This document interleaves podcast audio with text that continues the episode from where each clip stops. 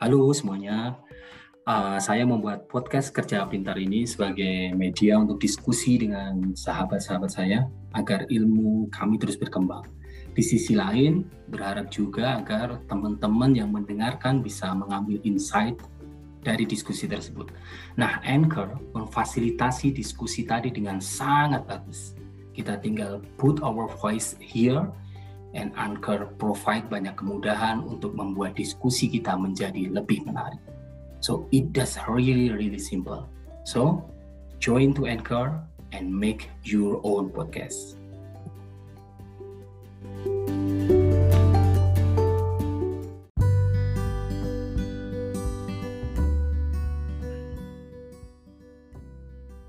Halo, assalamualaikum teman-teman semuanya. Ketemu lagi di podcast Kerja Pintar, tempat kita sharing dan belajar agar kerja kita jauh lebih pintar. Nah, eh, teman-teman semuanya, hari ini saya eh, kedatangan tamu yang sangat istimewa. Beliau adalah staf khusus eh, Menteri SDM periode 2014-2016 dengan banyak lagi experience ya. Pernah menjabat sebagai Gubernur OPEC untuk Indonesia, kemudian Deputy Chairman untuk SKK Migas, Country Executive GE Energy, dan masih banyak lagi pengalaman beliau ya. Nah, sedangkan dari sisi pendidikan, beliau adalah uh, lulusan S1 di Teknik Industri ITB, kemudian meneruskan master dan doktor di Universitas of Hawaii at Manua ya untuk uh, economics. Beliau adalah Bapak Widiawan Prawira Atmaja. Selamat malam, Pak. Apa kabar, Pak? Baik, Alhamdulillah. Senang sekali, senang sekali nih ya Bapak bisa di podcast saya nih. Oke Pak, ini uh, saya juga ajak teman-teman ya karena saya berhadapan dengan Bapak ya, ilmunya banyak, experience banyak, jadi uh, saya ditemani sahabat-sahabat saya biar nggak jomplang-jomplang amat nih. Jadi saya ditemani uh, Pak Bayu Aji Prakoso ya, seorang uh, profesional konsultan di sektor energi khususnya renewable energy ya. Jadi uh, beliau menghabiskan 16 tahun lebih di bidang ini gitu. Oke, selamat malam Kang Aji. Selamat malam Pak Toto, selamat kabar? malam Pak Wawan, selamat malam semuanya. Apa kabar nih? Ini teman diskusi saya ketika kuliah, sekaligus guru juga. Oke, kemudian ada juga uh, Mas Rangga, uh, experience HR profesional ini udah dua kali menjadi tamu saya di podcast ya di episode 1 dan 2. Selamat malam Mas Rangga. Malam Mas Toto, Yo, malam Pak Haji, malam Pak Alhamdulillah baik Pak Toto. Terima kasih mengundang saya kembali di Enggak ini mengundang untuk minta bantuan nih. Oh, iya, iya. untuk mengimbangi Pak Widiawan. Oke deh. Jadi kita langsung aja. Sebenarnya kita mau eh, belajar apa nih Mas Rangga? Mungkin bisa disampaikan apa sih keresahan kita gitu. Silakan Mas Rangga. Iya nih, Mas Terima kasih ya waktunya. Uh, jadi memang ini bagi seorang awam ya memandang sebuah perubahan iklim nih Pawan. Kalau kalau di Bandung itu kan dulu tuh zaman saya kecil tuh masih sering lihat kabut gitu di kota tuh ya, masih dingin, masih pakai selimut seringnya. Kok sekarang kayaknya jarang lihat kabut lagi nih di kota, terus agak panas gitu Bandung gerah lah, nggak kayak dulu. Dulu kan naik angkot enak gitu ya. Terus kan uh, kita suka lihat ada oh, isu-isu climate change, jadi uh, suhu memanas segala macam jadi yang mau saya tanyakan tuh, emang benar ya Pak ya, ada climate change? Atau misalkan itu hanya sebuah teori konspirasi gede loh untuk ada agenda apa gitu? Atau gimana Pak Wan ceritanya? Ya, gimana ya, betul itu bahwa saya kan lahir juga di Bandung ya. Saya pernah kecil di Bandung. Uh, dan Sabtu saya uh, balik lagi ke Bandung masuk ITB itu uh, betul saya masih sering kedinginan dan pagi itu masih banyak uh, kabut gitu ya dan memang udaranya sejuk sekali. Sekarang saya masih sering ke Bandung untuk mengajar. Sayangnya sekarang lebih banyak online, tapi kalau di Bandung itu betul sekali sudah jauh lebih panas daripada yang saya alami uh, beberapa puluh tahun yang lalu. Pemanasan global ini kan suatu fenomena yang sebenarnya terjadi karena orang makin banyak di bumi, jumlah penduduk ke bumi makin besar, otomatis kegiatan perekonomiannya juga makin uh, besar ya. Uh, kegiatan ekonomi ini kan uh, menghasilkan beberapa hal uh, ikutan ya, misalnya kalau kebutuhan energi itu dibarengi dengan yang kita namakan emisi. Uh, ada beberapa emisi yang sifatnya langsung menjadi polusi. Uh, dan itu biasanya kita uh, langsung kita mau tangani itu ya seperti uh, apa namanya smog gitu ya. Uh, terus apa karbon monoksida gitu ya, ya pembuangan dari knalpot uh, kendaraan bermotor. Terus ada sulfur sehingga menampilkan acid rain gitu. Tapi ada juga yang sifatnya akan eh, banyak ke, ke atas sehingga dia menjadi gas rumah kaca. Hmm. Gas rumah kaca ini makin kalau makin lama makin besar dia menghalangi eh, sebagian dari eh, apa namanya udara yang sebenarnya ada di eh, ozon sana sehingga eh, kondisinya sedemikian rupa juga apa namanya eh, menutupi berbagai hal misalnya dari sisi matahari dari sisi eh, kita mendapatkan apa namanya jadi seperti ada ini besar gitu ya ini bukan eh, ini bukan konspirasi tetapi ini berdasarkan penelitian yang dilakukan di beberapa negara. Dan diukur itu temperatur dari tahun ke tahun dari zaman dulu sampai sekarang dan memang eh, terlihat adanya pemanasan global ini. Tapi pemanasan global ini kan eh, betul ya trennya eh, meningkat gitu, tapi kan dia nggak nggak garis lurus gitu ya. Dia kadang-kadang turun, kadang-kadang naik. Tapi oh. tren kecenderungannya semua itu naik gitu. Ya. Meningkat ya. ya meningkat. Sebenarnya kan konteksnya bukan hanya sekedar pemanasan ya, tapi uh, perubahan iklim yang lebih apa namanya istilahnya itu ya, lebih terasa, lebih kentara sehingga uh, akan akan di, dialami berbagai hal yang sifatnya menjadi lebih ekstrim. Hmm. Kalau dingin dingin sekali gitu ya, kalau panas panas sekali, Terus ada bencana-bencana lain seperti banjir, tanah longsor, dan sebagainya, yang sebenarnya itu merupakan suatu ikutan dari perkembangan atau usaha dari manusia untuk uh, mengapa ya uh, melakukan sesuatu untuk konsumsi uh, konsumsinya. Jadi ujung-ujungnya memang sebenarnya adalah daya dukung, daya dukung bumi bukan hanya sekedar tanah, tetapi eh, lingkup udara yang ada di sekitar kita yang juga dipengaruhi dengan adanya pemanasan global ini. Gitu. Hmm. Wah parah juga ya ternyata. Macam ini saya baru juga ya. Ya memang sih kayaknya kita tuh kalau sekarang panas tuh panas banget ya. Kalau hujan hujannya langsung deras banget gitu kan bisa menyebabkan banjir atau apa segala macam ya Kadang-kadang hujan es. Hmm, iya iya beberapa waktu lalu. Iya berasa di luar negeri Tapi Pak, sebenarnya kalau uh, tadi ya efek kaca perubahan iklim itu sumbangsih terbesarnya itu sebenarnya dari sektor apa sih Pak? Maksud saya apa dari industri apa gitu atau misalkan oh kita banyak mobil nih, mobil tuh jutaan jumlahnya, terus ada pembakaran gara-gara itu sih yang paling gede. Semuanya kita sebut sebagai gas eh, rumah kaca, greenhouse gases ini yang paling utama, yang komposisinya paling besar adalah sebenarnya CO2. CO2. CO2 ya, CO2. Tapi sebenarnya gas rumah kaca itu banyak. Jadi kalau misalnya kita memproduksi gas metan aja ya, CH4. CH4 itu e, beberapa kali lipat CO2. Tapi e, CH4 ini kan nggak nggak banyak-banyak amat gitu.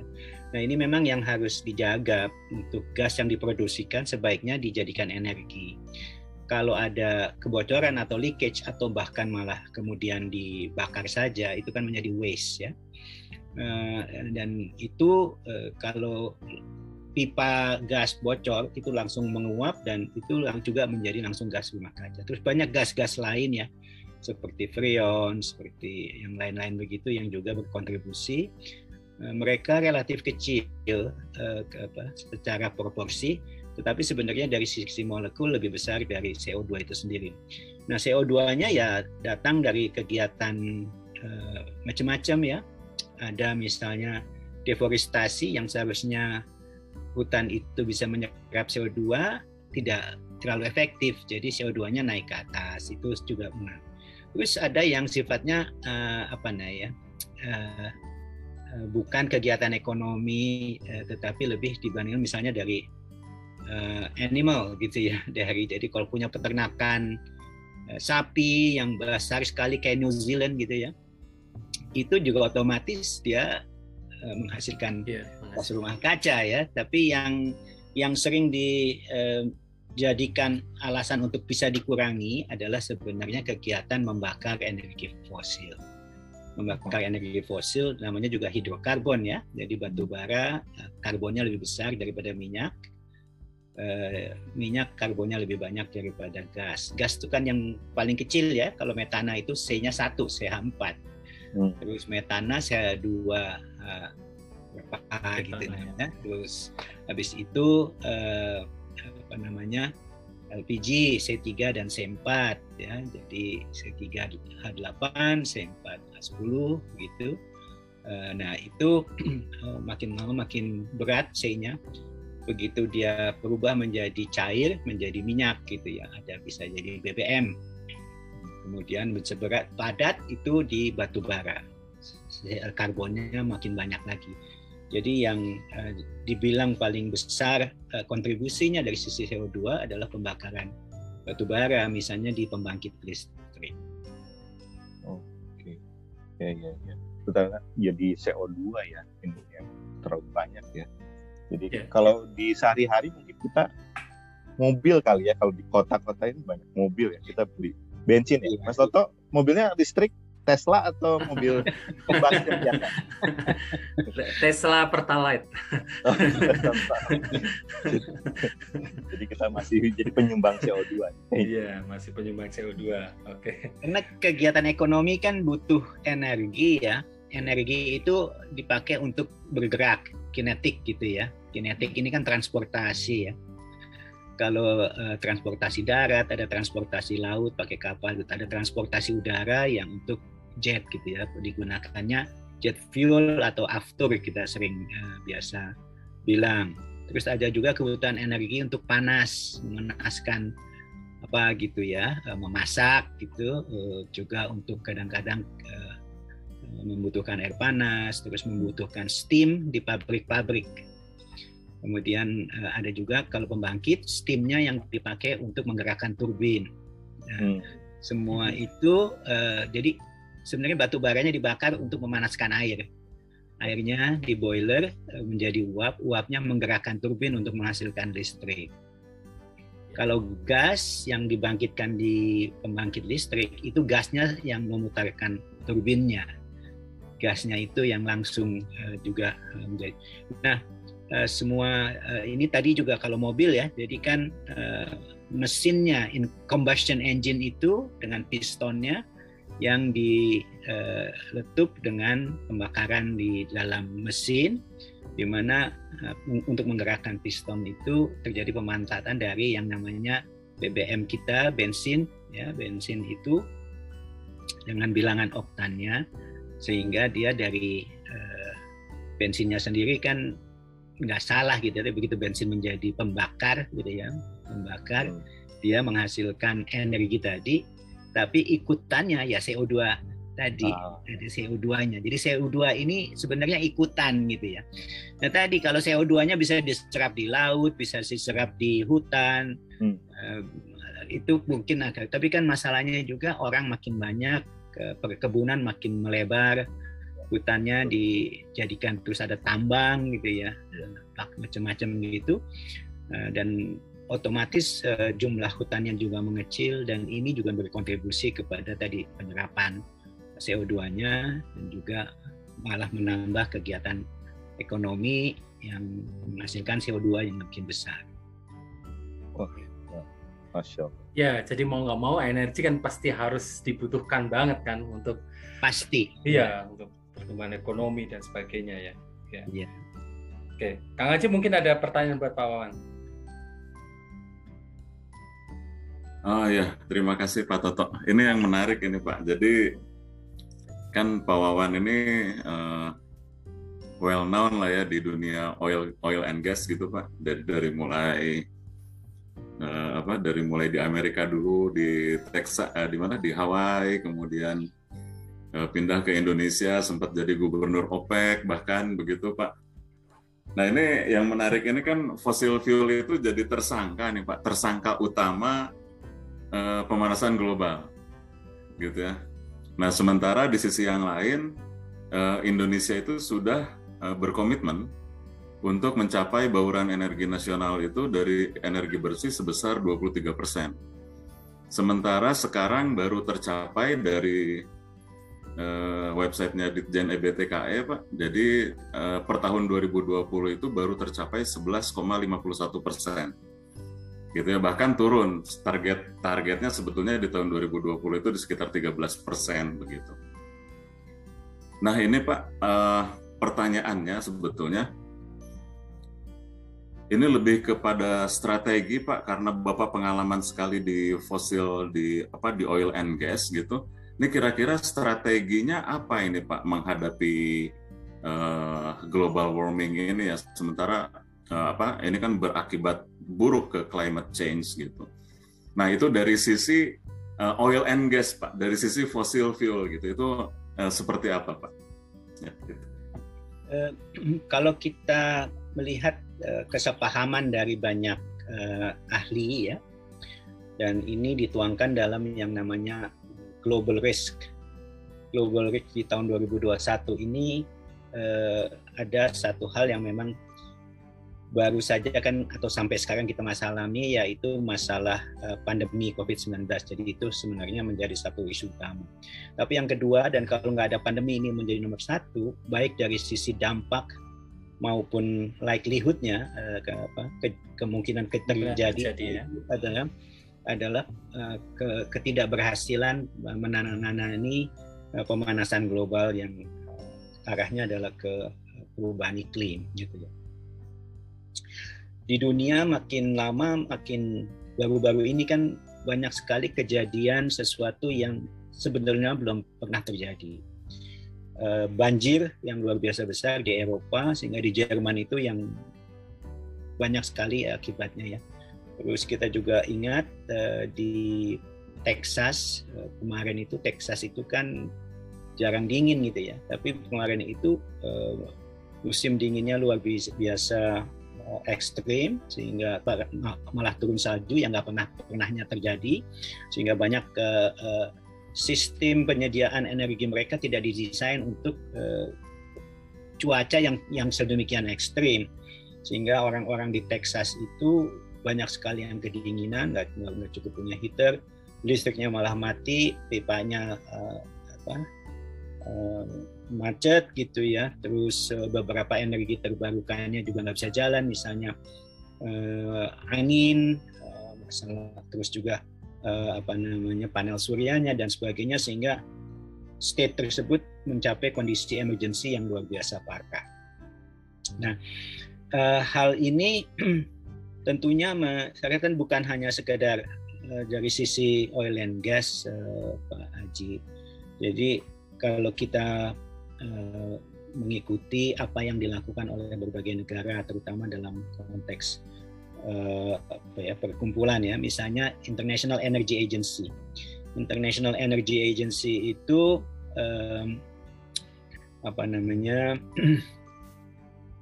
gabungan antara negara-negara maju OECD ya OECD Eh, negara-negara maju punya namanya IEA International Energy Agency yang melakukan berbagai kajian gitu.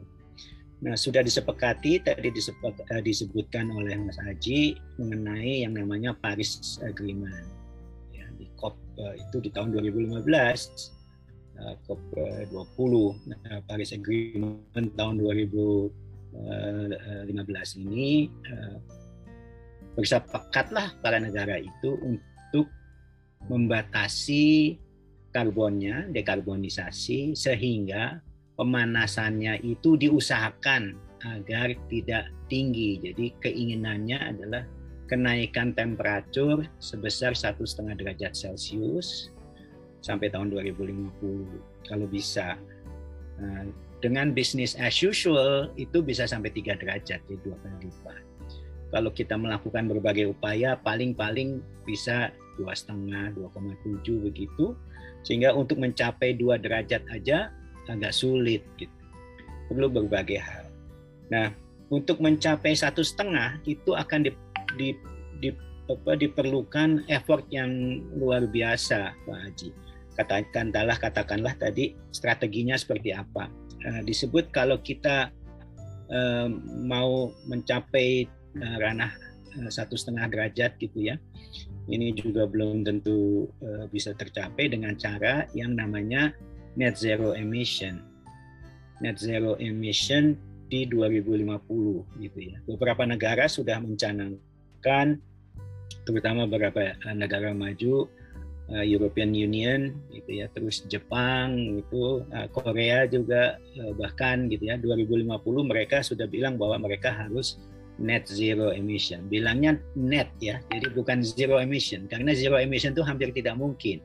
Karena uh, selama kita masih membakar karbon dia akan CO2-nya keluar. Tapi kan kita tadi anggap kita akan melakukan berbagai pembatasan Kemudian ada offsetting. Offsettingnya itu dengan menanam, menanam kembali hutan, ada eh, hal-hal yang bisa mengurangi eh, CO2 tersebut termasuk berbagai teknologi. Uh, teknologinya misalnya kalau ada yang masih menggunakan CO2 ditangkap CO2-nya uh, menjadi carbon capture, ditangkap dan kemudian di storage dimasukkan ke lagi ke dalam bumi. Jadi CCS, carbon capture and sequestration and storage CCS ya eh, terus dimasukkan gitu. Uh, ada berbagai hal lagi yaitu uh, dicarilah sumber energi primer. Sumber energi primer ini tadi ya kayak sumber energi primer, fosil fuel kan energi primer.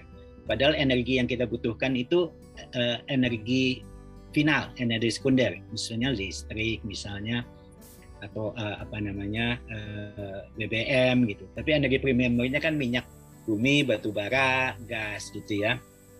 Nah, yang banyak bisa meng menghasilkan uh, energi tanpa emisi CO2 adalah energi terbarukan. Misalnya uh, apa namanya tenaga surya. Tenaga surya itu kan tidak menghasilkan uh, gas buang CO2 gitu ya juga angin gitu ya. Angin menggerakkan kincir tidak ada dia pembakaran. Gitu ya. terus geotermal juga tidak menghasilkan uh, eh, CO2 menggunakan tenaga air pakai apa energi uh, kinetiknya. Dia menggerakkan turbin tanpa menghasilkan CO2 karena tidak ada uh, pembakaran.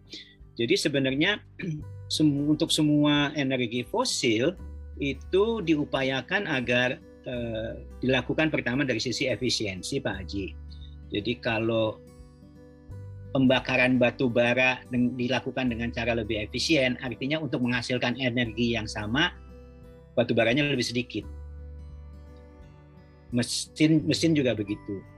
Yang menggunakan gas, yang menggunakan BBM, dicarilah yang makin sedikit gitu ya, supaya lebih efisien seterusnya dicarikanlah supaya jalannya itu tidak lagi memakai energi fosil tetapi memakai energi listrik yang energi listriknya dibangkitkan dari renewable energy. Jadi teorinya mudah nih Pak Aji, eh, eh, logikanya ada, solusinya ada. Cuman kita kadang suka lupa, biasanya engineer itu suka lupa bahwa semua uh, engineer kan selalu bilang akan ada solusi, solusinya pasti ada gitu. Tapi ke, di yang yang yang kita suka lupa dan itu kenapa kita belajar uh, economics gitu ya uh, at what cost at what cost ini orang biasanya kecenderungannya adalah mencari yang lebih affordable ya. jadi sebenarnya bukan murah tapi secara relatif lebih murah jadi affordability itu menjadi sesuatu hal yang penting terutama untuk kelompok-kelompok yang memang uh, berpenghasilan relatif rendah sehingga dari sisi penghasilannya itu untuk alokasi budgetnya untuk mendapatkan energi menjadi relatif lebih besar gitu ya. Kalau orang yang berhasil penghasilan besar uh, tidak terlalu banyak proporsinya dikeluarkan untuk energi. Tapi untuk kelompok-kelompok rentan yang di Indonesia ini uh, kelompok uh, di bawah garis kemiskinannya masih sedikit di bawah 10% gitu ya. Tapi ini yang rentan itu yang maksudnya yang hampir miskin yang kalau misalnya daya belinya tiba-tiba berkurang, harga tiba-tiba naik, inflasi tiba-tiba naik, itu langsung bergerak ke atas gitu. Dan katakanlah kita anggap ini ada di 40% dari uh, penduduk gitu ya. Jadi ini kan harus ada uh, orang yang kita kita apa ya lindungi itu karena akses terhadap uh, listrik atau energi yang baik dan uh, modern itu kan salah satu hak asasi manusia dan itu di acknowledge di Sustainable Development Goals nomor 7 gitu ya bahwa uh, setiap orang gitu setiap orang uh, jadi poverty levelnya ini juga kita harus pertimbangkan jadi menjawab pertanyaan Pak Aji itu nggak bisa melihat hanya oil and gas saja tidak bisa uh, melihat sektor energi saja tidak bisa melihat keekonomian saja tapi melihat juga populasi demografi kebijakan uh, uh, pemerintahnya seperti apa gitu ya. Dan terakhir nih satu lagi adalah perubahan gaya hidup.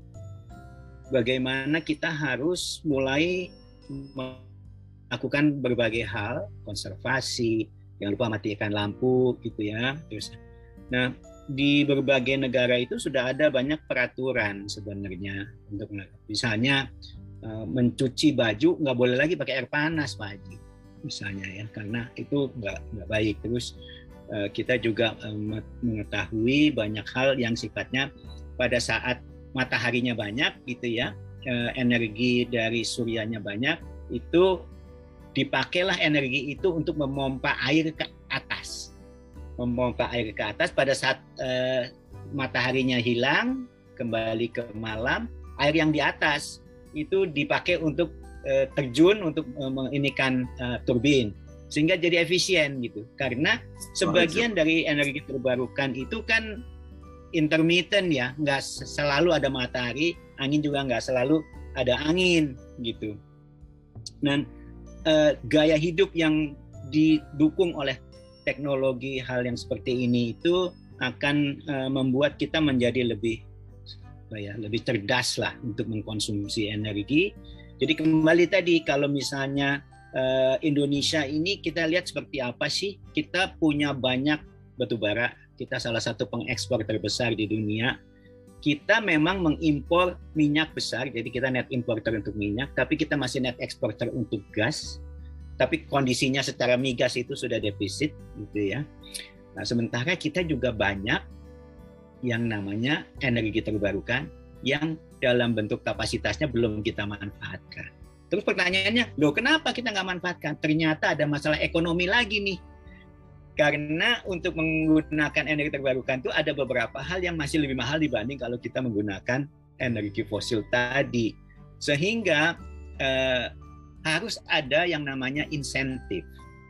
Kalau kita hidup di masa jangka pendek saja, kita akan cenderung mengambil yang murah. Tapi kan kita hidupnya jangka panjang nih ya, punya generasi penerus dan sebagainya dan seterusnya. Dan kita tahu kalau kita memberikan insentif yang cukup, yang tadinya mahal itu bisa jadi murah karena ada ekonomi soft scale, eh, ada eh, perkembangan teknologi yang diarahkan ke sana, ada apa eh, macam-macam lah diketemukannya katalis yang lebih efektif gitu ya dilakukan berbagai hal. Salah satu lagi tadi yang juga sedang di, dicoba untuk dibuat terobosannya yaitu penggunaan hidrogen. Hidrogen yang sekarang itu kan dibuat dari fosil, Pak Ajit tentunya kita tahu ya. Gas yang di steam cracker gitu menghasilkan hidrogen. Hidrogen dipakai untuk macam-macam. Nah, ke depan kalau hidrogen ini bisa dibuat uh, dari uh, energi terbarukan sehingga dia bisa memisahkan hidrogen dari air hydrolysis gitu ya. Nah, semua ini ternyata masih mahal. Jadi teknologi-teknologi yang tadi saya sebutkan itu ternyata masih mahal dari hanya sekedar membakar fossil fuel. Nah, untuk itu negara akan melakukan banyak hal yang sayangnya memang mau nggak mau bisa dianggap memberikan lebih sesuatu yang lebih mahal. Misalnya pajak karbon.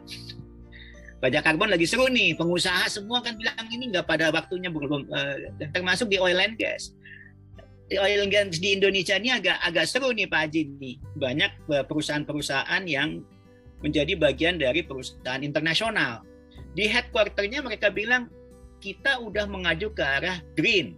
BP misalnya, BP itu udah bilang kita nggak mau lagi menjadi uh, apa, perusahaan minyak dan tapi akan mengganti perusahaan energi yang beralih ke energi terbarukan. Luar biasa itu perubahan paradigmanya. Tapi BP di Indonesia dia memang masih meng, uh, memproduksi oil and gas. Dia uh, uh, apa nggak mau adanya uh, pajak karbon aneh gitu ya. karena dia bilang uh, nanti keekonomiannya menjadi berkurang gitu ya. ya. Nah kayak gini kayak begini ini semuanya yang kita selalu tahu bahwa dalam uh, kita melakukan peng, apa, pengambilan keputusan itu ada yang namanya kita tahu trade off. Ini adalah trade off. Jadi uh, dan strategi itu kan konsisten mengambil salah satu dan siap dengan trade off-nya gitu ya. Jadi kalau kita pertanyaannya ke strategi, ya ini adalah yang akan kita lakukan, ini ada yang eh, kita tidak akan lakukan, tapi atas dasar keputusan itu trade off-nya kita harus terima. Nah, ini yang kalau tadi disebutkan energi transisi, ini yang harus dilakukan sedemikian rupa sehingga kejadiannya tidak mendisrupsi.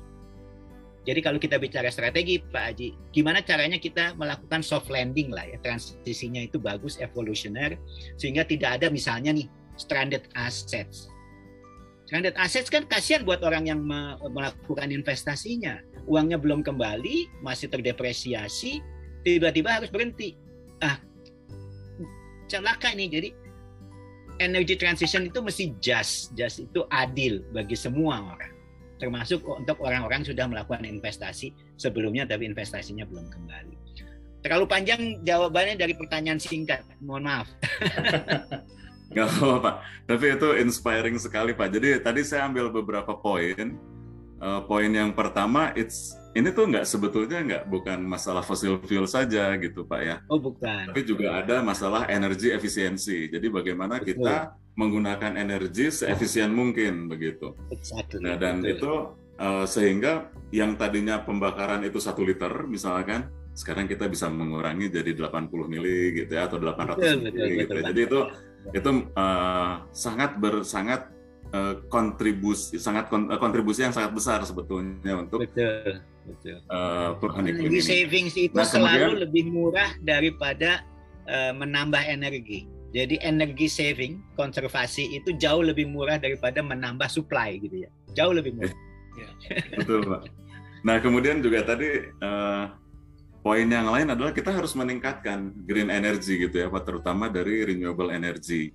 Karena kita punya matahari yang melimpah gitu ya Uh, omong-omong tentang ini Pak, tentang matahari yang melimpah, saya ada data ini Pak. Jadi uh,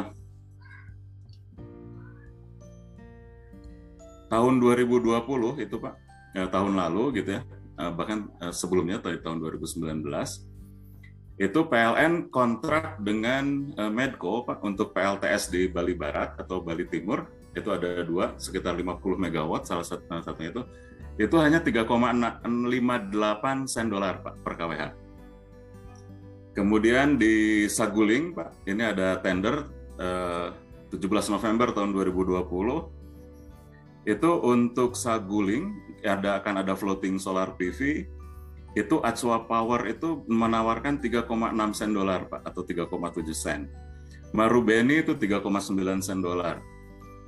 Uh, oh ini maaf Pak itu di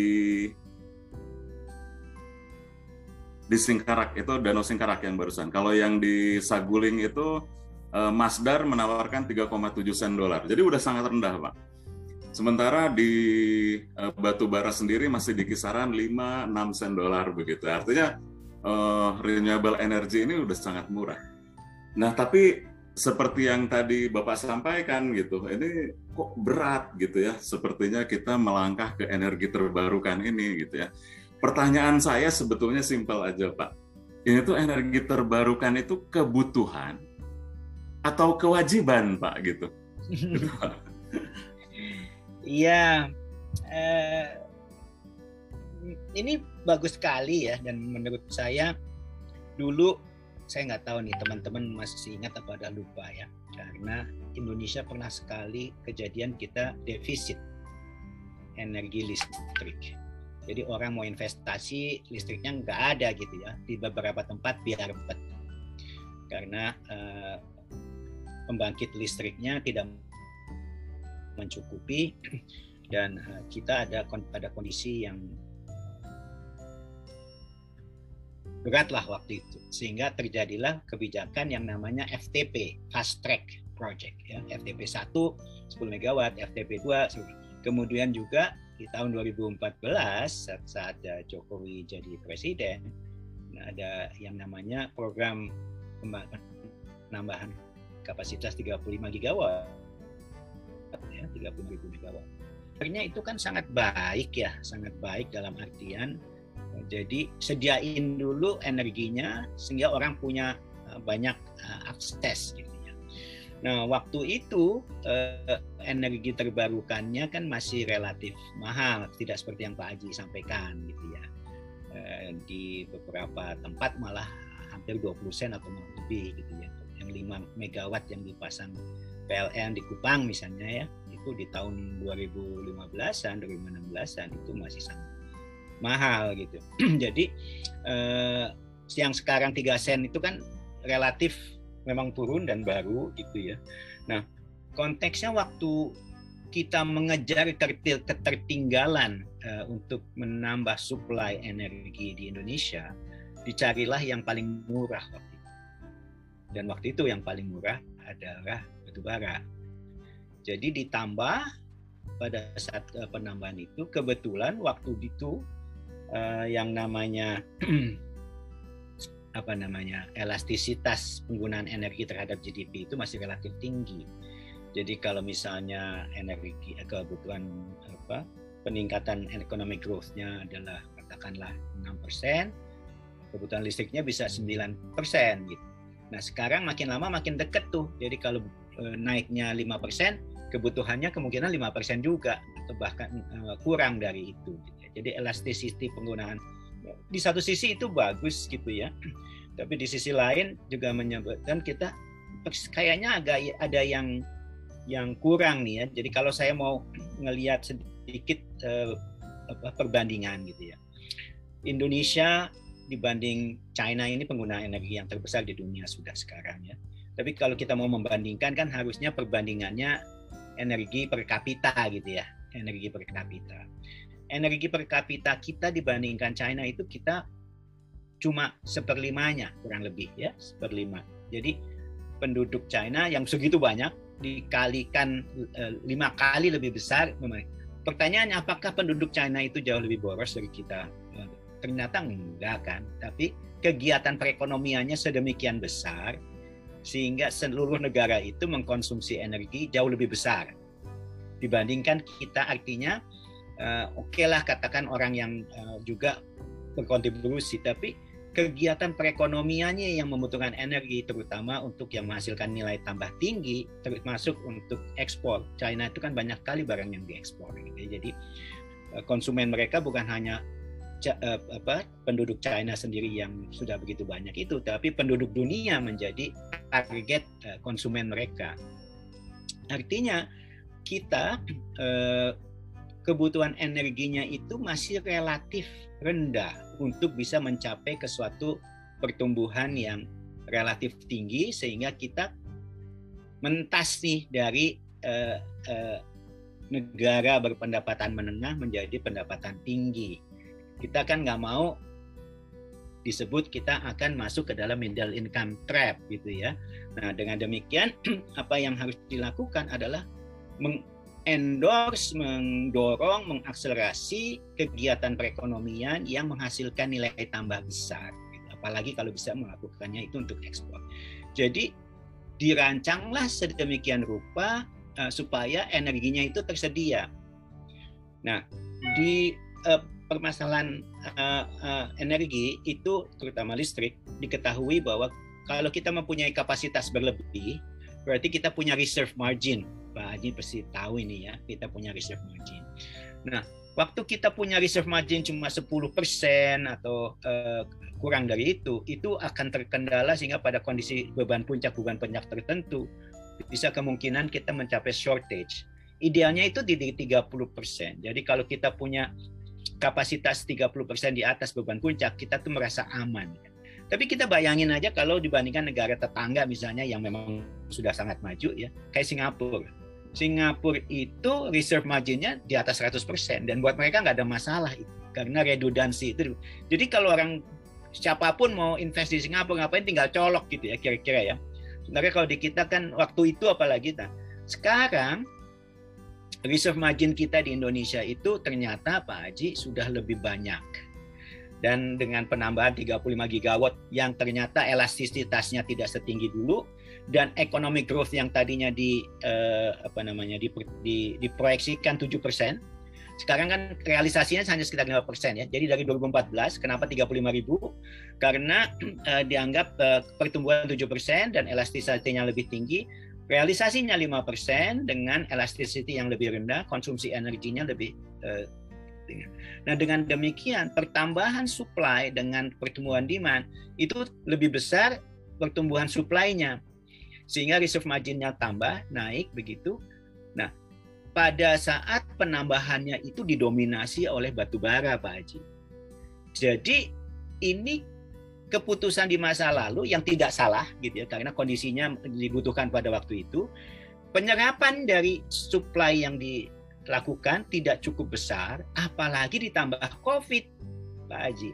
Jadi ada beberapa aset yang sudah jalan yang kita harus sudah mulai depresiasi, artinya udah ada cost nih ya. Mau nggak mau kan kalau bisa kita manfaatkan itu. Kalau tidak dimanfaatkan, nah kalau mau ditambahin lagi energi terbarukan, Pak Haji, berarti sebagian dari yang sudah dibangun ini kan harus ditahan. Yang tadinya kapasitas faktornya di atas 90% misalnya, harus turun menjadi 70% atau 80%. Artinya ada beberapa unutilized capacity kalau kita mau menambah energi terbarukan. Tapi di lain pihak kan kita udah udah pledge seperti yang Pak Aji tadi tanyakan di, di pertanyaan sebelumnya. Jadi mau nggak mau si 23% ini tetap harus diupayakan. Sebenarnya solusinya gampang tapi susah gitu ya. Gampang adalah naikin konsumsi listrik gitu kan. Naikin konsumsi listrik gitu. Jadi logikanya sebenarnya ada nih kembali lagi kalau orang engineer itu bilang kalau gitu eh, banyakin aja uh, tadi ada yang udah mobil listrik gitu ya. Banyakin mobil listrik. Jadi kita masih uh, impor BBM terutama bensin gitu ya gasolinnya. Itu dikurangi mobilnya udah ke electric vehicle pakai listrik. Listriknya kan berlebih nih sekarang gitu ya. Kalau kebutuhan listriknya nanti di, diambil banyak nih Pak Haji, yang masuk yang masuk sebesar mungkin adalah renewable jadi kondisinya tidak hanya sekedar supply demand dalam artian harga gitu ya, tetapi ada yang eh, apa namanya juga eh, masalah tadi kelebihan pasokan. Eh, mengenai yang kalau tadi kan batu bara katakanlah nggak ada nggak ada yang 6 sen sih ya, ada 5 sen. Jadi ada yang empat setengah malah ya eh, per kWh dan ada air atau uh, apa uh, listrik dari renewable misalnya solar PV yang jauh lebih murah sekarang misalnya. Tapi itu kan levelized cost of electricity ya, LCOE gitu ya, Mas.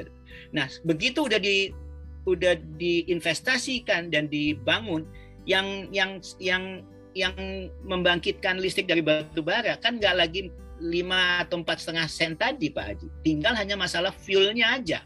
Fuelnya itu jauh lebih rendah lagi ya dua sen misalnya gitu ya karena kan yang capex udah udah sangkos tuh Pak Haji.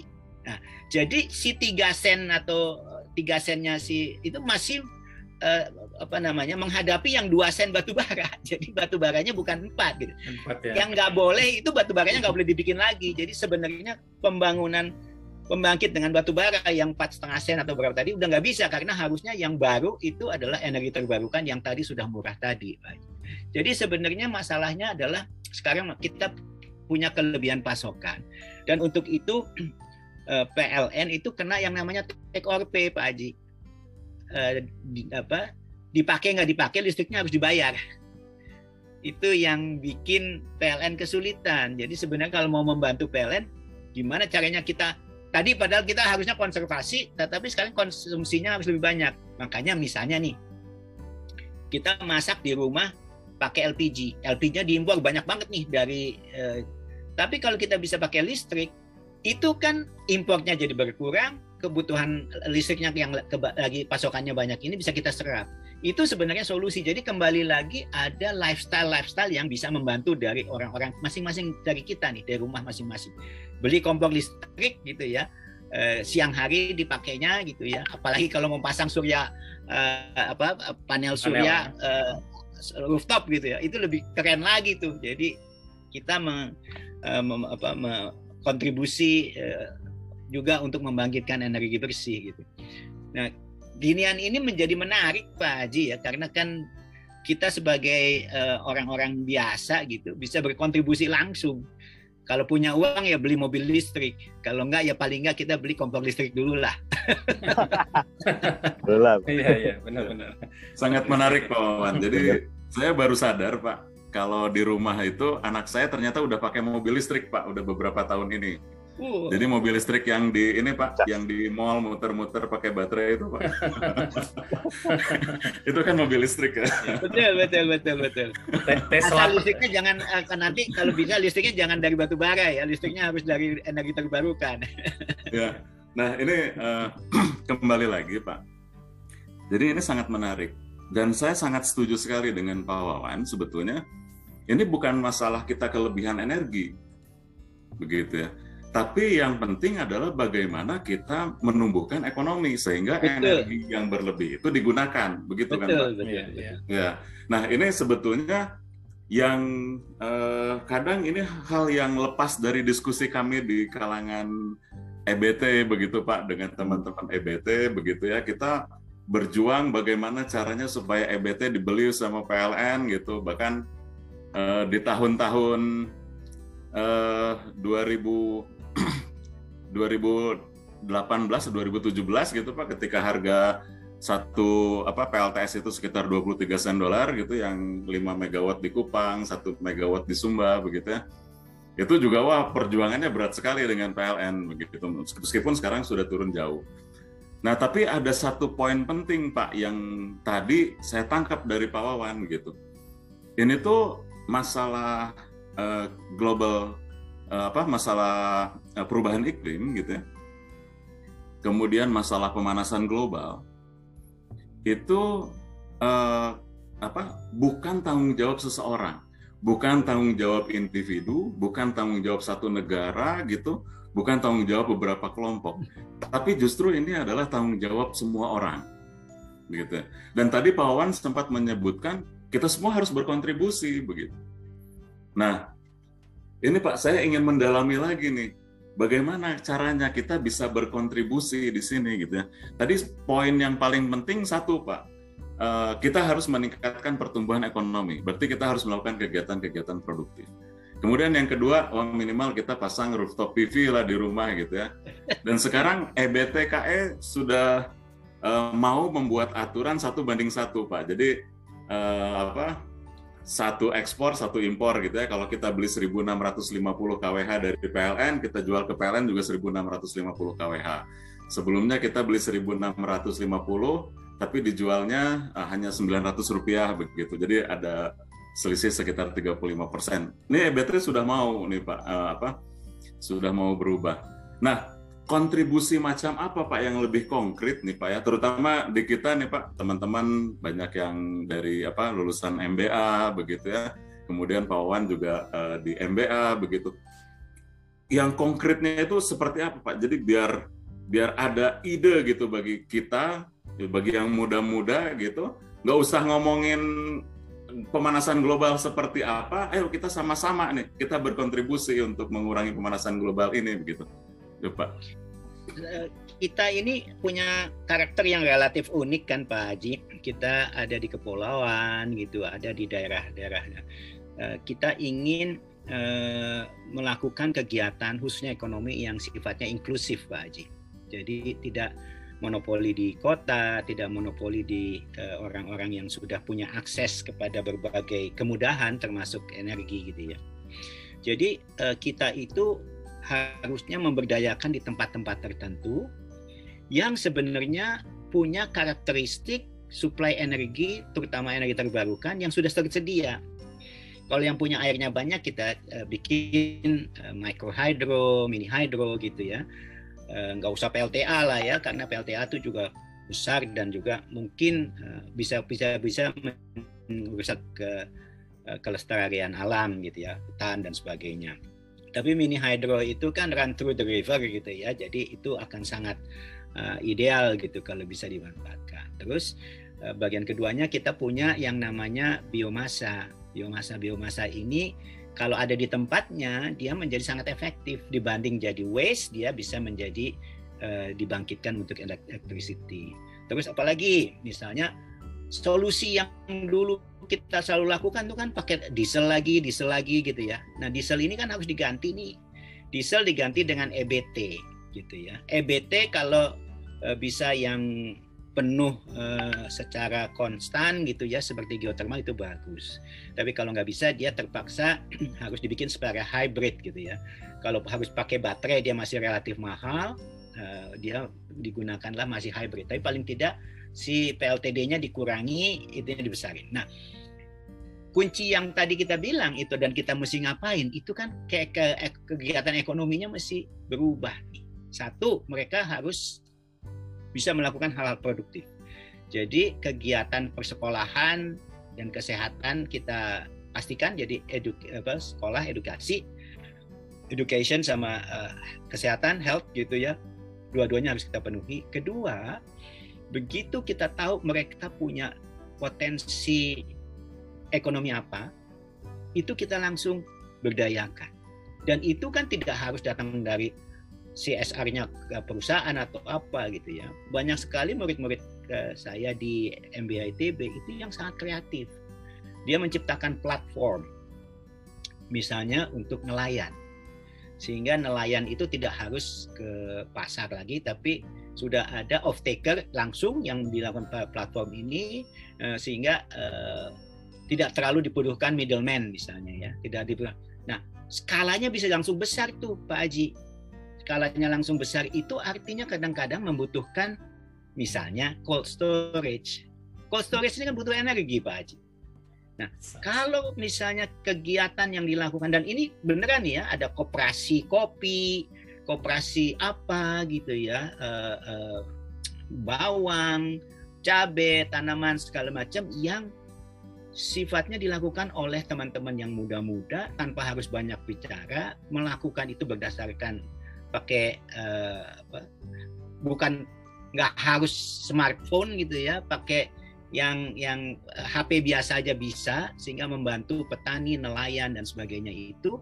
Yang tadinya kapasitas produksinya relatif kecil ini bisa menjadi lebih besar. Karena energinya yang disediakan juga tersedia tadi melakukan uh, energi terbarukan jadi kalau uh, ada banyak kegiatan gitu ya, uh, misalnya sekarang di Pemda Jawa Barat itu Kang Emil itu memberdayakan orang-orang apa uh, uh, entrepreneur uh, muda itu di, dikirim ke daerah-daerah untuk mencari uh, yang hal-hal yang seperti itu. Nah itu kan sangat luar biasa karena Jawa Barat itu berpotensi sekali hal yang lain. Misalnya daerah uh, Jawa Barat bagian selatan itu anginnya cukup keras suka bumi belak bawah tuh. Jadi dia bisa pakai uh, wind turbine gitu ya. Terus uh, di situ ada beberapa hal yang bisa dipakai buat perkebunan, bisa buat uh, nelayan, bisa buat macam-macam. Semuanya itu pariwisata juga gitu ya. Semuanya itu uh, menciptakan kreativitas untuk uh, kegiatan ekonomi tadi yang sebenarnya didorong oleh Eh, orang-orang muda yang menciptakan berbagai eh, platform-platform tadi khususnya menggunakan IT yang relatif uh, sederhana dan dibikinlah sedemikian rupa sehingga orang yang yang nggak terlalu ngerti dan tidak terlalu menggunakan gadget yang yang yang sophisticated ya, ya. bisa untuk dipakai untuk mem memfasilitasi kegiatan perekonomian ini Pak Haji dan itu murid-murid saya banyak sekali ya uh, di Lembang, di uh, Pelabuhan Ratu, ya. di Pangalengan, di mana-mana gitu ya. Murid-murid ini yang ya itu yang dilakukan sehingga memang nanti kebutuhan listriknya itu meningkat, listriknya meningkat ya itu tadi uh, ini dan itu sangat bagus kalau kita bisa memberdayakan masyarakat sekitar di mana uh, orang-orang yang tadinya punya keterbatasan dari sisi akses kepada energinya, akses kepada pasarnya, terutama akses kepada pasar ya, itu dibukakan pintunya oleh orang-orang yang lulusan MBA gitu ya, orang-orang yang kewirausahaan atau apa segala macam itu yang sudah sangat berhasil memajukan banyak hal termasuk pasar-pasar tradisional dan sebagainya yang dibantu oleh SBM ITB yang luar biasa kalau menurut saya sih teman-teman yang muda-muda ini. Ya. ya, menarik itu Pak. Jadi uh, kebetulan Pak, uh, saya juga dengan teman-teman bikin kandang ayam nah. dengan teknologi gitu Pak ya. Kita tambahkan sedikit teknologi, semuanya serba diotomatisasi. Dan kebetulan karena saya suka coding gitu Pak sedikit-sedikit jadi bikin sendiri alat otomatisasinya ya maksudnya nanti arahnya memang ke social entrepreneur Pak. Bagaimana ya, itu membantu persis, petani dan peternak untuk uh, ber apa, ber, ber, apa bertani lebih baik lagi begitu ya, atau beternak lebih baik lagi. Nah mungkin teman-teman ada yang ini? Iya.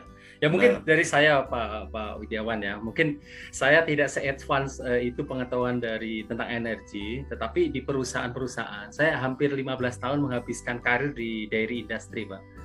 Kemudian tadi emang tidak direct related with uh, fossil fuel, tetapi uh, kita tahu bahwa uh, peternakan itu penyumbang sekitar 14 persen ya uh, uh, gas rumah kaca ya khususnya dari metana dan khususnya peternakan sapi itu.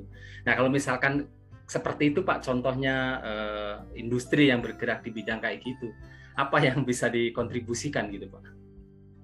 Uh, sebenarnya kan orang sekarang mencari ke sesuatu yang uh, istilahnya itu circular economy ya. Jadi uh, apa itu reuse, recycle, apalagi gitu ya, yeah. yang yang yang uh, inginnya adalah uh, sebisa mungkin semuanya itu dilakukan uh, within the system gitu jadi tidak dan um, peternakan atau apa itu kan sangat bagus ya uh, kotoran uh, ternaknya bisa jadi pupuk pupuknya masuk ke uh, apa namanya perkebunan pertanian gitu ya terus menjadi makanan uh, ternak hmm. yang uh, sifatnya tidak ada uh, steroidnya, tidak ada eh, hal-hal uh, yang yang yang tidak membuat menjadi tidak sehat gitu ya. Apalagi semuanya dikembalikan ke alam dengan cara yang jauh lebih efisien gitu. Semua waste-nya itu dikurangi ya. dan kalau sudah seperti itu, uh, kalau yang naturally occurring uh, apa namanya gas rumah kaca itu kan sebenarnya tidak terlalu dipermasalahkan gitu ya Pak. Hmm, Oke. Okay. Tapi sebenarnya uh, yang paling utama adalah bagaimana penerapan dari si circular economy itu. Nah, sebagian dari uh, misalnya uh, kotoran sapi itu ya bisa jadi sumber biomasa. Iya, iya. Buat energi gitu ya misalnya gitu. Jadi kalau dia bisa dibikin self contained sedemikian rupa eh, eh, sehingga peternakannya ini merupakan percontohan dari penerapan ekonomi sirkuler tadi. Kalau udah bisa seperti itu, eh, itu akan luar biasa. Jadi kan ada bang bertingkat-tingkat ya. Ada sapinya, nanti ada ikan peternakan ikan lele, ikan nila, ikan gabus, ikan apa juga terus turun lagi.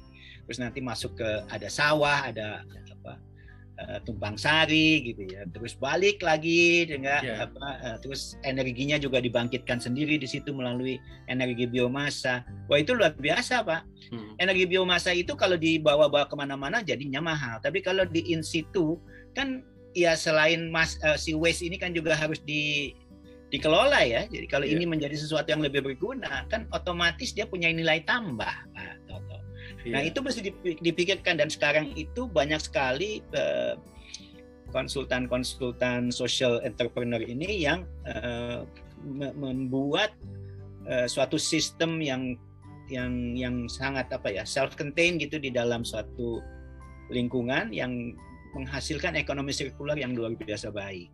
Salah satunya adalah menggunakan energi dari biomasa tadi. Iya, iya. Iya, tetap jadi bisa sirkular ya, bisa multiplier effect ya, Pak ya. ya. Justru ya. bisa menggerakkan ekonomi secara keseluruhan. Ya. Oke, mungkin mungkin Mas Rangga atau Kang Haji bisa ada yang mau tanyakan? Sebetulnya ini sebelum Mas Rangga, hmm. eh, yang paling besar itu bukan kotoran sapi, Pak. Hmm. Tapi justru dari limbah kelapa sawit sumber metana terbesar itu. Okay. Kalau di tempat yang ada lokasi uh, kelapa, apa kelapa sawitnya otomatis harus itu Iya, iya. Jadi ya malah ada yang diekspor. tahun 2018 Pak, saya dengan Musimas gitu, Bapenas dengan Musimas maksudnya, itu kita membiayai uh, pembangunan pembangkit dari metan. Jadi pakai gas dipakai gas engine. Itu uh, di tiga lokasi di uh, Provinsi Riau, di Kabupaten Pelalawan, Rokan Hulu dan Rokan Hilir ada tiga pabrik musimas. Kita kita membangun uh, di masing-masing itu satu megawatt, Pak. Jadi satu pabrik kelapa sawit itu bisa menghasilkan satu megawatt. Jadi itu juga luar biasa itu, Pak. Betul, betul banget, betul banget. Ya, silakan Mas Rangga kalau ada ini. Wah, saya mah di sini paling banyak belajar ya gitu, dari tadi. eh, take take note banyak banget nih tadi. belajar dari Pawan dan Pak Gide yang lain. Larinya ke green jobs Pak Rangga.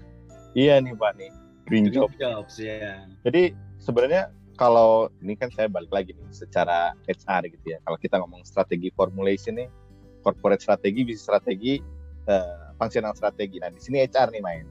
Nah kita kan berarti kan harus support ya terhadap ini semua gitu ya. Dalam artian kita tadi ngomong seperti infrastruktur, strategi, political will dan lain-lain gitu ya. Tapi sebenarnya kalau stok talent nih Pak Wan, kira-kira stok talent kita di Indonesia ini yang yang concern sama uh, energi ini sudah cukup apa belum atau jumlahnya sudah cukup tapi ekspertisnya expertnya belum cukup gitu. Ya ini menarik pertanyaannya. Sebenarnya ada dua tren besar kan Pak Angga ya. Yang satu yang harus kita uh, juga kan uh, revolusi industrinya gitu ya. Jadi uh, dari Internet of Things sebenarnya ujung-ujungnya sih digitalisasi ya dari ada uh, memanfaatkan big data gitu ya terus uh, artificial intelligence lari-larinya semuanya adalah ke digitalisasi. Nah itu satu strand sendiri yang memang harus selalu disiapkan untuk untuk sektor apa pun. Hmm. Nah di sektor energi kan juga sangat-sangat uh, berkaitan gitu ya. Jadi yang tadinya kita pakai utility besar gitu ya nanti makin lama makin ke distributed energy itu jadi eh, kita membuat dan bahkan sekarang kan kalau kita memasang eh, di atap itu eh, solar panel itu kan kita sendiri yang juga menghasilkan energi memang kita belum mensuplai orang lain tetapi kita paling tidak mensuplai diri kita sendiri dan mensuplai PLN seperti yang tadi Pak Haji bilang yang satu banding satu atau satu uh, tadinya 1,0,65 eh, itu gitu ya. Uh, artinya kan kita mulai menggunakan berbagai hal dan semuanya kita sudah bisa menggunakan berbagai gadget. Jadi jangankan yang untuk energi gitu ya. Kita memantau CCTV aja kan lewat HP kita gitu ya. Nah, sesuatu yang berubah tadi itu membutuhkan kreativitas, inovasi jadi HR-nya itu tidak langsung dipakai untuk uh, khusus gitu ya sektor green apa-apa segala macam itu tapi otomatis itu kan itu kan keniscayaan di external environment kita. Tapi yang paling dibutuhkan adalah justru orang berkreasi. Nah, berkreasi ini ada berbagai enablernya. Salah satunya IT tadi kan. Tapi yang lain-lain itu juga banyak. Jadi economic circular itu membutuhkan orang yang memikirkan bagaimana secara apa namanya ya cerdas uh, kita plastik nggak boleh sekali pakai gitu ya. Plastik daur ulang uh, botol plastik yang tadinya dibuang ke laut yang membahayakan itu kita pakai diolah lagi menjadikan fiber. Fiber bisa dipakai untuk macam-macam gitu ya berbagai ke, keperluan. Jadi dengan dengan demikian yang dibutuhkan sekarang itu adalah cara orang berpikir. Jadi mindsetnya ya. Jadi bagaimana berkontribusi kepada lingkungan dengan cara yang lebih baik. Jadi kita pengen eh, konsumsi itu menjadi lebih energinya menjadi lebih efisien. Salah satu caranya adalah menggunakan listrik dengan seefisien mungkin tetap ya, seefisien mungkin tetapi menambah karena begitu kita menambah energi artinya kegiatan ekonomi kita pun bertambah. Nah, kalau berbagai hal ini dikaitkan dengan kreativitas tadi, kitanya semakin pintar, kita semakin uh, aware terhadap lingkungan, kita memfasilitasi kegiatan sehingga uh, biaya-biaya itu jauh lebih rendah gitu ya, mengurangi mengurangi uh, biaya biaya yang tidak perlu seperti middleman dan sebagainya dan seterusnya itu sehingga kita menjadi lebih kompetitif. Ujung-ujungnya sebagai suatu negara yang kita cari adalah comparable competitiveness kan. Kalau kita punya competitive advantage ya. dibanding dengan negara lain, otomatis kita akan menarik banyak hal apakah itu investasi, menghasilkan produk yang jauh lebih berkualitas yang diinginkan oleh konsumen bukan hanya di dalam negeri tapi juga di luar negeri. Eh, kalau kualitas kita baik, eh, orang mem, mem, apa, mau bayar uh, harga yang premium, yang sebagainya gitu. Jadi yang diciptakan harus orang yang benar-benar kreativitas tapi dengan memperhatikan kecenderungan-kecenderungan yang ada di eksternal bisnis kita Nah, jadi uh, eh, HR-nya ini sebisa mungkin tidak lagi ditujukan untuk jadi apa kecuali yang spesifik lah ya dokter ya dokter lah ya, ya. sarjana hukum sarjana hukum tetapi konteksnya adalah uh, kalau kita uh, mendesain sesuatu desain kreatif kita ini apa? Jadi semua insinyur itu sebaiknya ya bisa melakukan coding misalnya gitu ya. Hmm. eh, semua orang bisa melakukan coding itu kan bukan sesuatu yang luar biasa gitu ya. Semua orang bisa mempelajari artificial intelligence virtual reality big data gitu. Itu akan sangat memudahkan karena kan ujung-ujungnya itu sebenarnya apa sih Pak Rangga? Ujung-ujungnya adalah customer centric. Customer itu ya. bukan hanya sekedar yang membeli produk kan. Customer itu yang menggunakan berbagai jasa yang kita buat ini gitu ya. Nah, itu sangat uh, akan sangat dipengaruhi dengan bagaimana bisa menciptakan orang-orang yang kreatif. Dan ini uh, kesan saya uh, menjadi kunci, menjadi kunci bagi uh, dan kreatif kan tidak harus datang dari universitas ya, dari vokasional bisa, dari politeknik bisa gitu ya. Dari berbagai tempat SMA kejuruan bisa gitu ya. Jadi benar-benar uh, orang dan saya setuju sekali tuh kampus merdeka apa segala macam itu karena mereka ya. dibiarkan untuk melakukan hal-hal yang kreatif. Contoh uh, Pak Angga pasti tahu banget nih ya. Di Google, di Google itu kan setiap orang yang kerja di Google itu diwajibkan spend 20% waktunya untuk melakukan uh, proyek-proyek yang individual. Ya. Itu kan luar biasa gitu ya cara uh, karena dengan demikian uh, diberi kesempatan orang untuk melakukan ber, berbagai kreativitas. Ya. Jadi bukan hanya di pendidikannya dan tapi perusahaan pun juga bisa mendisrupsi perusahaan kita sendiri men, uh, self disrupt apa disrupt gitu ya untuk menciptakan orang-orang yang menjadi kreatif dan hasil kreativitas ini nanti nilai tambah buat perusahaan itu sendiri. Ah, ya benar ya Pak. Jadi memang kan uh, untuk mendukung Indonesia bisa uh, beradaptasi dengan revolusi industri 4.0 itu memang banyak perubahan transformasi di segala aspek, termasuk energi segala macam. Tapi memang ya karena bukan saya orang HR juga ya, tapi saya punya keyakinan bahwa the prime movernya itu pasti people-nya dulu. Exactly. Tadi yeah. mindsetnya itu bahwa kalau kita misalnya pakai teori uh, fix dan growth mindset gitu ya. Kalau yang fix mindset kan memang mikir ya udah pakai ini ekonomis, ya udah ngapain pindah lah segala macam, nggak prepare untuk yang lain. Tapi kalau orang-orang dari segala macam uh, apa uh, dari political will gimana, dari akademisi, dari kita anak-anak muda, dari korporasi, kita harus punya growth mindset bahwa eh, apa nih yang kita harus kita uh, tanamkan dari sekarang? Kita bikin diaspora apa gitu? Atau misalkan kita bentuk kalau uh, apa perusahaan-perusahaan yang punya kaitan dengan energi atau kayak Pak Toto dengan Derry segala macam sudah mulai membuat apa ya titisan-titisan gitu ya menanam menanam bibit-bibit untuk nanti dikembangkan untuk bisa mendukung uh, ini ya renewable energy ini ya. Tapi Pak terakhir nih dari saya pertanyaannya.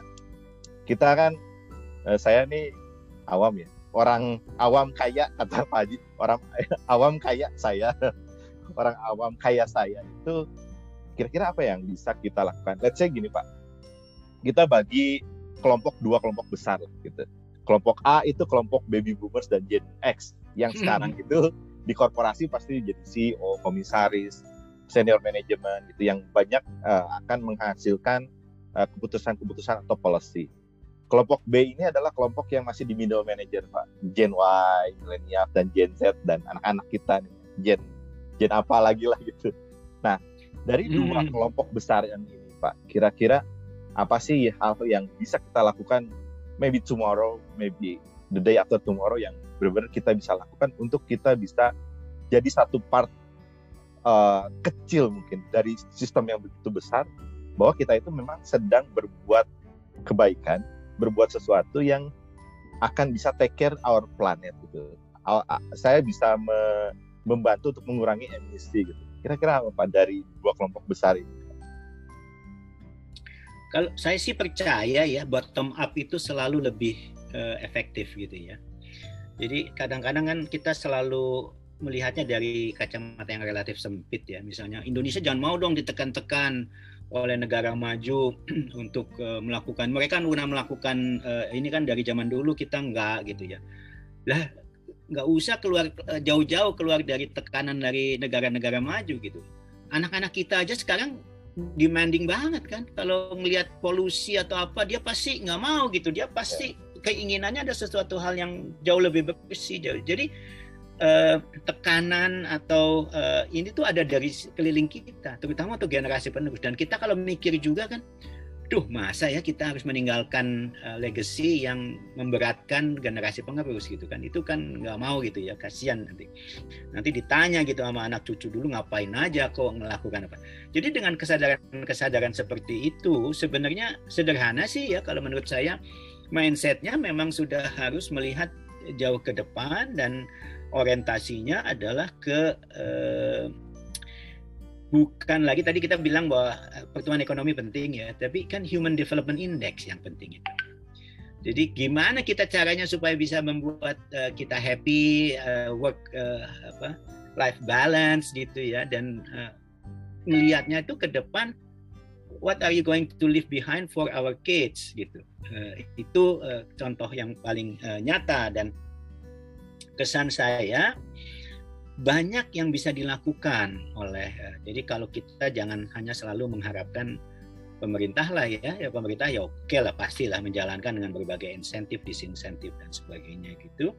Tapi kalau dari sisi kita mindsetnya adalah misalnya sudah uh, membiasakan diri melakukan tadi ya daur ulang, uh, memastikan dan kita investasi untuk hal-hal yang jauh lebih panjang gitu ya dan uh, keterlibatan dari hal-hal uh, yang uh, sifatnya itu memberikan kontribusi yang baik terhadap apa keberlanjutan lah ya keberlanjutan. Misalnya tadi circular economy dan sebagainya.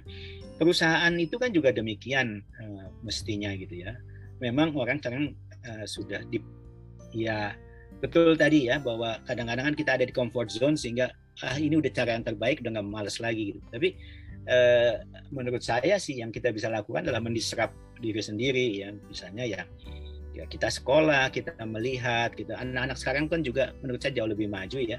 Karena mereka sudah punya akses walaupun dia ada di desa atau di mana pun dengan punyanya HP, eh, smartphone gitu, mereka tahu apa yang terjadi di dunia gitu, nggak nggak hanya sekedar di lingkungan di mana dia berada. Nah, menciptakan konten-konten yang baik ini menurut saya menjadi sesuatu yang yang harusnya uh, menjadi bagian uh, kontribusi kita masing-masing. Jadi kita pribadi, komunitas, perusahaan di mana tempat kita bekerja gitu ya dan kesan saya sih ini sudah mulai mulai disadari dengan baik ya. E, memang masih banyak PR-nya, cuman menurut saya sih e, kita sadar betul bahwa ini our conscious bilang gitu ya, ini yang harusnya kita lakukan.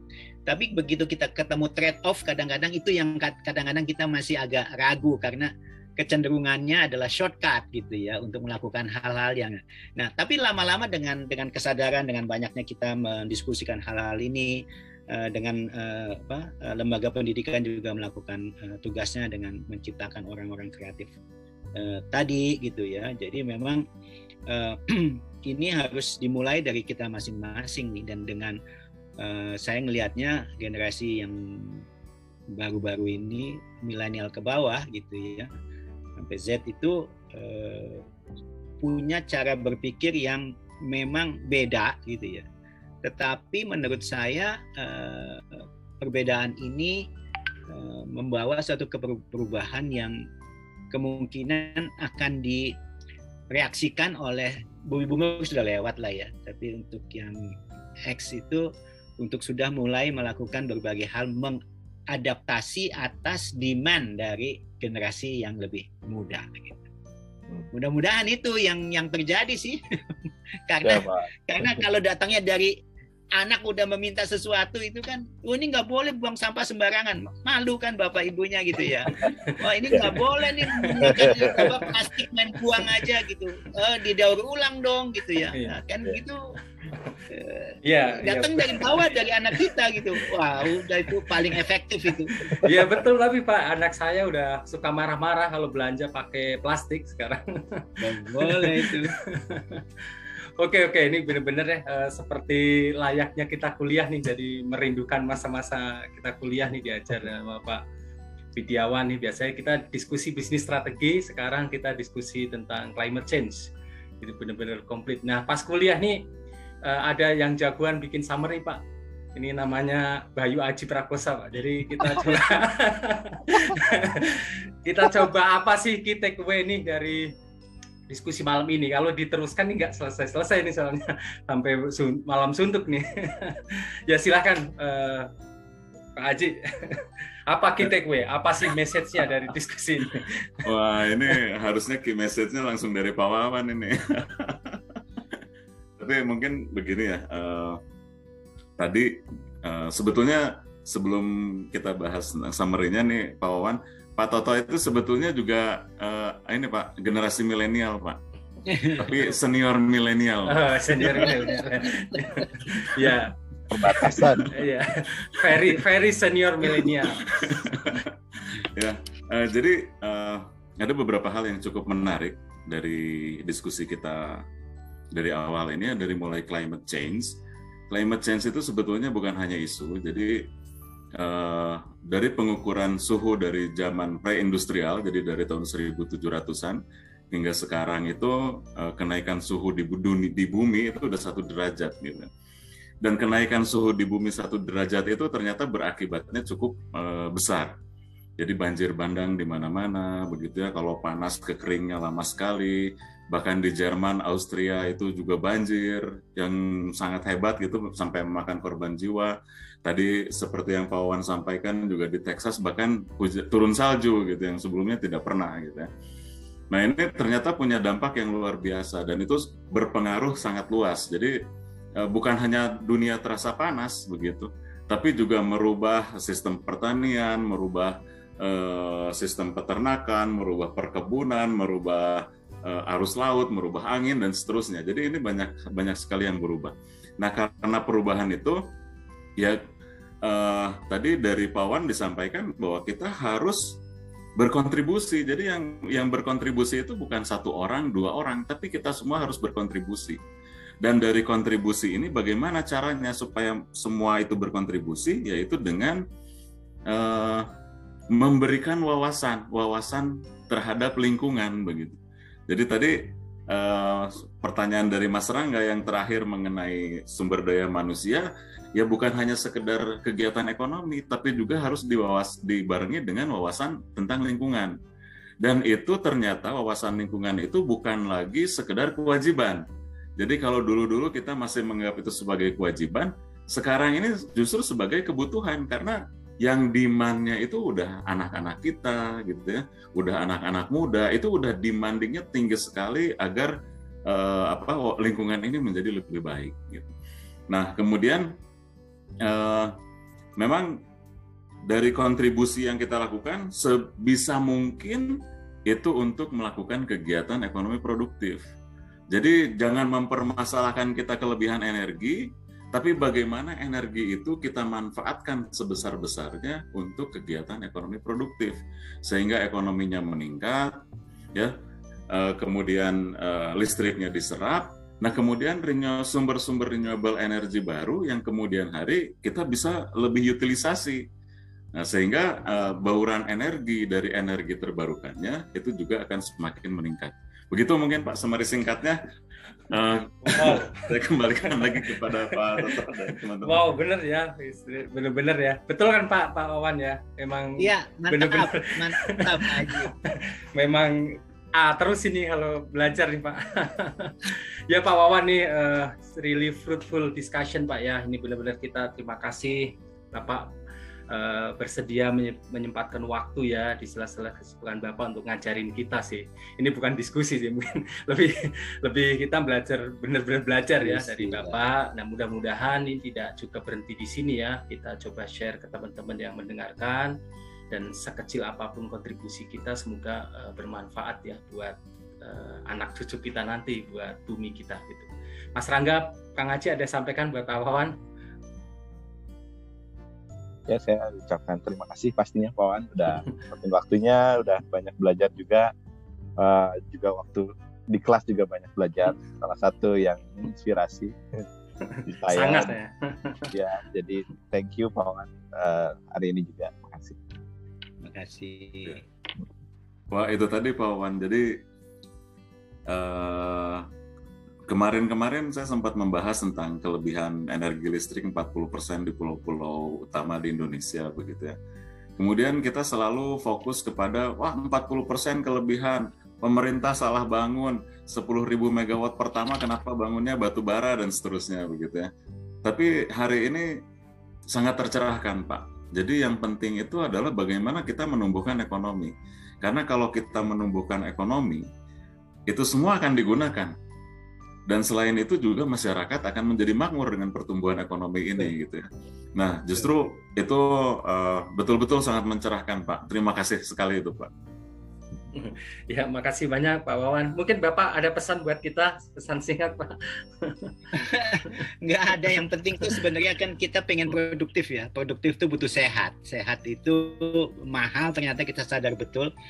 Jadi eh, yang namanya virus, yang namanya penyakit itu kan akan selalu ada ya. Ada satu masa yang akan besar sekali dampaknya seperti kondisi COVID-19 yang kita hadapi sekarang. Dan itu juga mungkin karena kita uh, mendisrupsi uh, lingkungan kita gitu ya. Jadi kita kalau melihat sebab dan akibat gitu uh, bahwa kemungkinan adalah Eh, di berbagai uh, kitab suci juga dibilang gitu ya di Al-Qur'an juga dibilang bahwa tangan-tangan manusia itu membawa sesuatu yang yang kurang baik lah ya bagi itu dan kita harus sadari. Tapi kan kehidupan harus jalan terus. Ini yang merupakan bagian dari ibadah kita untuk melakukan yang terbaik sebaik-baiknya manusia adalah yang bermanfaat buat manusia yang lain begitu kan kalau kita merasa itu menjadi tugas kita yang ada di dunia ini mau tidak mau konteksnya adalah harus berkontribusi berkontribusi adalah bagaimana caranya kita meninggalkan sesuatu lebih baik pada saat kita menemukannya. Gitu ya. Kita meninggalkan sesuatu harus lebih baik pada saat kita menemukannya. Nah, kalau kita uh, sudah berbicara seperti itu, apa sih yang kita bisa bisa uh, kontribusikan? Kan sederhana ya, kita dari sisi pribadi, di keluarga, uh, lingkungan, tempat sekolah, Eh, tempat eh, sosial, tempat bekerja dan sebagainya itu bagaimana kita sesedikit mungkin apa pun yang bisa kita lakukan untuk melakukan eh, hal yang baik ya terutama tadi meningkatkan kapasitas sehingga kita bisa lebih produktif, sehat, pintar, lebih produksi, menghasilkan sesuatu yang dengan bernilai tambah gitu ya. Jangan lupa seperti yang Pak Haji sudah ingatkan ke kita semua, lingkungan ini penting karena kita punya daya dukung yang terbatas. Nah, untuk melihat itu semua, kita ingin berpegangan pada eh, development index. Jadi bukan hanya pertumbuhan ekonomi, tapi social development goals-nya juga harus eh, kita lakukan.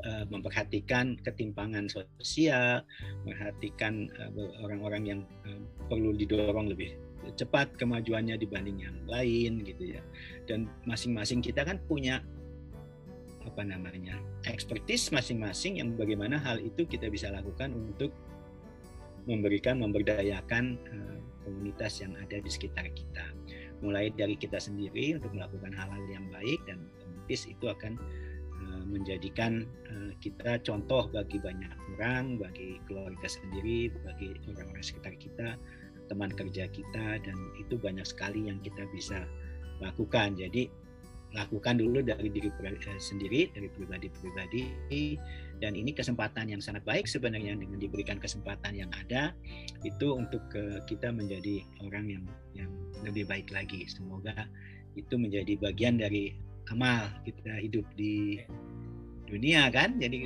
larinya nanti ke sana apa pun nanti kita mau karirnya jadi apa pun kita nggak ada masalah gitu.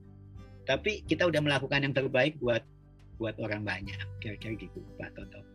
Ya makasih makasih Pak pesannya dalam banget salah satu ya yang paling dalam tadi meninggalkan sesuatu lebih baik daripada ketika kita menemukan ya oke makasih banyak Pak Wawan makasih eh, Kang Aji Mas Rangga ya Sampai ketemu lagi di podcast selanjutnya. Mudah-mudahan ini bermanfaat buat teman-teman semuanya. Assalamualaikum, Pak. Terima kasih. Terima kasih. Terima kasih.